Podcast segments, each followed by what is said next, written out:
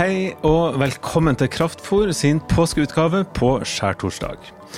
Jeg heter Kjetil Gilberg, og vanligvis så sitter jeg her sammen med Maria Bjørdal. Hun kunne ikke være med på denne påskeserien som vi skal lage, men jeg har en veldig veldig godt selskap likevel. Sunniva Gylver Hei. og Bendik Baasland. Hei, så koselig å være her. Ja, det er veldig koselig å ha dere her begge to. Dere er prester i Fagerborg menighet. Velkommen hit til Kraftfôr. Takk Tusen takk. Og vi i Kraftverket, vi er eh, nesten litt starstruck da, og veldig, veldig glad for at vi kan få lov til å samarbeide med dere to og Fagerborg menighet om denne påskefeiringa. Og, og vi er jo nødt til å lage påskefeiring også i år som er koronavennlig, som er, er, er tilpassa koronasituasjonen som vi er i. Og Bendik, kan ikke du forklare oss, hva, på hvilken måte skal Kraftverket og Fagerborg menigheter sammen, eh, samarbeid? Det vil jeg gjerne si litt om. Aller først vil jeg bare si at det er veldig hyggelig for oss også å få være her og få ta del i denne podkasten, som vi også har hørt på tidligere selv. Eh, vi ser frem til å samarbeide med dere. Vi har jo hatt litt eh, relasjon og møtepunkt oss prester eh, imellom tidligere også. Vi har også samarbeidet litt før òg, men, eh, men det er veldig fint å være sammen om denne påsken her.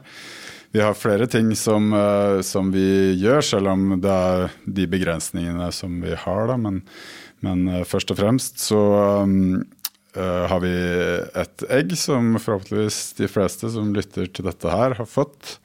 Et påskeegg med, med forskjellige ting oppi. Der er det også en del kort som Fire kort, for, eh, et kort for hver dag, hvor det står en del forslag til hva man kan gjøre på de forskjellige dagene. Så det har vært én ting som vi har samarbeidet om innholdet til. Eh, og så har vi jo denne podkasten her, åpenbart, da, som vi spiller inn og snakker til dere hver eneste dag disse påskedagene. Så det, det er et gledelig samarbeid. Ja, og det er et naturlig samarbeid, som du sier. Det er helt sant. Men du Sunniva, vi skal jo også være i kirkerommet. Og der er det jo faktisk plass til flere enn oss.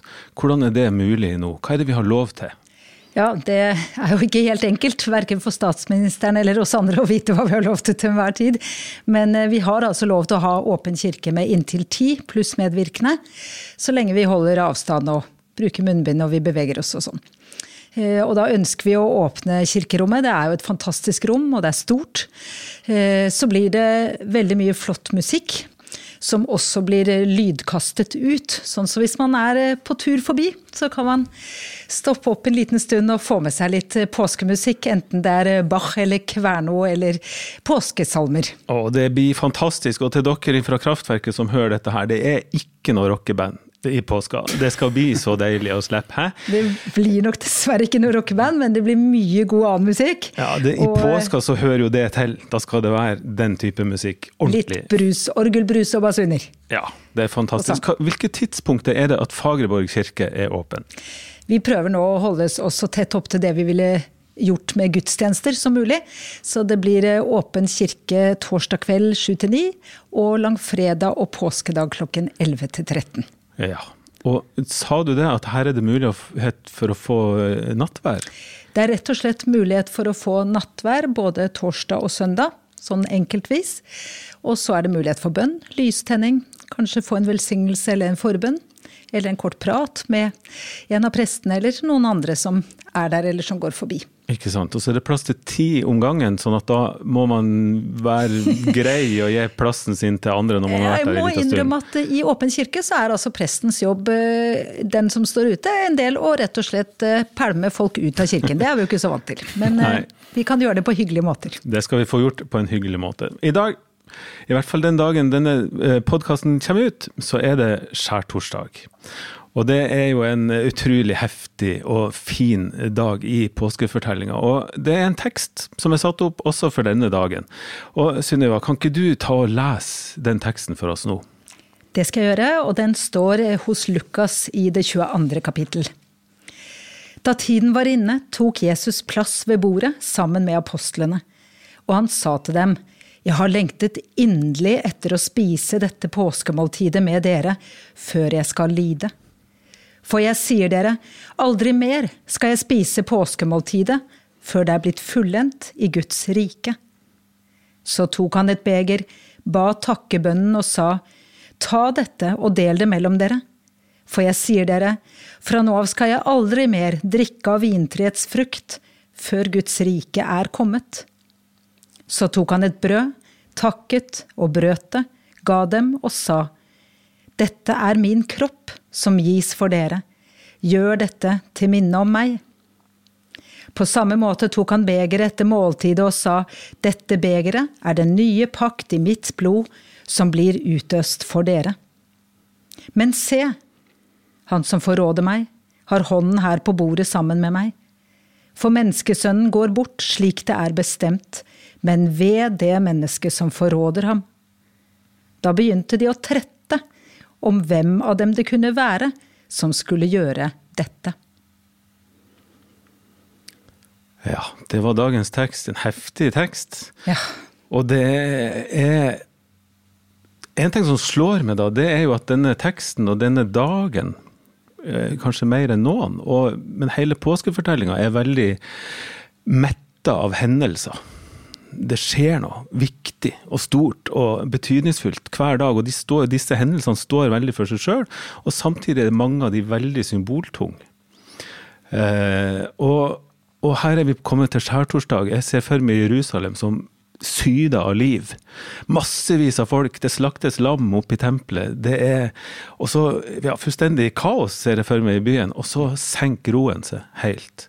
Og så har Jesus funnet, eller de disiplene har funnet denne plassen, da. Og Jesus sier at eh, nå, nå er vi her. Roa senker seg. Og så har de dette måltidet som er så symboltungt for israelsfolket, som minner om israelsfolkets flukt fra Egypt. Det er ikke noen ting som spises og drikkes som er tilfeldig. Alt har en betydning. Og på avslutning av måltidet kommer disse ordene, som vi tre da er veldig vant til å si i gudstjenesten. Jesus gir måltidet en helt ny, nytt innhold, og nattverden er innstifta for første gang det er ganske, ganske viktig dag i den kristne tru, en viktig dag i påskefortellinga. Og jeg lurer på med dere da, eh, to, om nattverden. Har dere sett at den betyr noe for, for noen mennesker der ute? Ja. Og jeg tenker, sant, den teksten vi har hørt nå, da. Det som legges til når vi har det i kirka under gudstjenesten, det er jo at vi starter med å si 'i den natta han ble forrådt'. Og det at måte, kirkens fellesskap enda sterkere blir innstiftet da, den dagen hvor han blir sveket, altså hvor Jesus blir forrådt. Det syns jeg er så utrolig sterkt, for det sier noe om at fellesskap er jo best og verst. da, Og det består av ufeilbarlige Nei, hva er det heter? Feilbarlige mennesker. Ja. eh, og at eh, de fleste av oss har både veldig fine og forferdelige opplevelser av fellesskap. Og jeg må jo si, akkurat når det gjelder nattverden, vi skjønner den jo ikke, da, eller jeg i hvert fall skjønner den ikke, om jeg så har gått på teologistudiet i mange år og nå har vært prest i 25 år. Men jeg opplever virkelig at eh, Gud er til stede i det, og at veldig mange mennesker får en sånn helt egen erfaring av Guds nærvær og av å få eh, hjelp i en sånn situasjon. Jeg har bare lyst til å dele et lite minne på det. fordi eh, etter terroren på Utøya i 2011 så var det jo én million mennesker inne i domkirken, helt bokstavelig, i løpet av den første uka. Og jeg var en av de prestene som ble kalt inn til å assistere i kirken. Og vi delte ut nattvær jeg skulle si og si døgnet rundt. Og jeg vil anslå ut fra hvordan folk tok imot det, at de aller fleste som jeg ga nattvær da, de hadde aldri gjort det før. Og så kom jeg og snakk med en del av de. Og flere ga uttrykk for at når verden faller sammen, når ingenting er som jeg trodde, når alt blir utrygt, så må jeg bare klamre meg fast i noe konkret som forteller meg at kjærligheten og godheten er sterkere enn døden. Og da klamret de seg til brød og vin. Utrolig fint. Og er det ikke litt sånn at det er vanskelig å forstå hva det er, men vi trenger noen sånne ritualer? Er det ikke det det betyr? Vi trenger noe av håndfast og å og gripe tak i, i dette store mysteriet som vi tror på. Hva tenker du om det, Bendik? Jo, jeg er enig. Jeg, jeg tenker det er, det er, et godt moment som du får fram i at det er, det er så mye symboler, og nattverden som du beskriver der, Sunniva, og, og måten det kan ta form, at det går an å ta del i noe som er så komplekst og så vanskelig å forstå, og så allikevel gjør det så enkelt at du tar det imot i hånda di og, og spiser det og drikker det. Uh, og da blir det veldig sterkt, og det blir veldig, det blir veldig, vakkert å gå i alle disse symbolene, og nattverden er liksom helt fremst der oppe da, i påsken og på skjærtorsdag. Og så syns jeg det er, det er litt interessant egentlig nå også. I fjor så kunne vi ikke feire nattverd på denne tida. Altså, da var det ikke et sted. Vi fikk ikke lov av biskopen Nei. i Oslo. Eh, og heller ikke i landet for øvrig, så vidt jeg vet. Da. Men man fikk ikke lov til å feire nattverd, for da, da, var det så sterke restriksjoner. Og de begrensningene som, eh, som, eh, som vi hadde da, de tillot ikke de. Så nå får vi lov i hvert fall i påsken å gjøre det, da, men vi hadde et par måneder uten at vi fikk lov til det. Og, og det var også en spesiell del av historien vår mm. som kirke. Ja. Og så er det, jeg tenker også at det, det fellesskapet og det oss, oss som jeg håper jeg, får være med å dele ut nattverden og se alle disse menneskene som kommer opp, de forskjellige. Og det slår meg òg at Judas er til stede her. Alle er har sin plass i denne køen, da. Om vi nå er det ene eller det andre, så har vi en plass i dette fellesskapet. Og Jesus inkluderer også Judas. Det syns jeg er sterkt, en sterk ting å legge merke til i denne teksten. Ja, det er veldig sterkt. Eh, jeg må jo si at jeg av og til lurer på at liksom ikke det står mer i teksten om hva som skjedde etter at Jesus hadde sagt dette her. Jeg ville jo vært ganske nysgjerrig på hvem er dette og hva driver med. Så står det jo de krangler litt, da, men så virker det som det bare stirrer ut i sanden. Men jeg tenker litt i forhold til, til det du sier også, Bendik, at det er noe med at det blir så sterkt og så konkret og så enkelt, selv om det samtidig egentlig rommer de største gåtene i troen. Da. Eh, og måltidet er jo helt vesentlig del av vår kultur. Altså det å spise sammen. Og det er både eh, det beste som fins og det vanskeligste som fins. Altså filmen og teateret Festen handler jo om denne store festen med måltidet, som jo blir helt forferdelig fordi det er så mange mørke hemmeligheter og så mye vanskelige relasjoner. Og da er det jo vondt å spise sammen. Ja. Så jeg tenker det er jo på en måte en risk Jesus tar, da.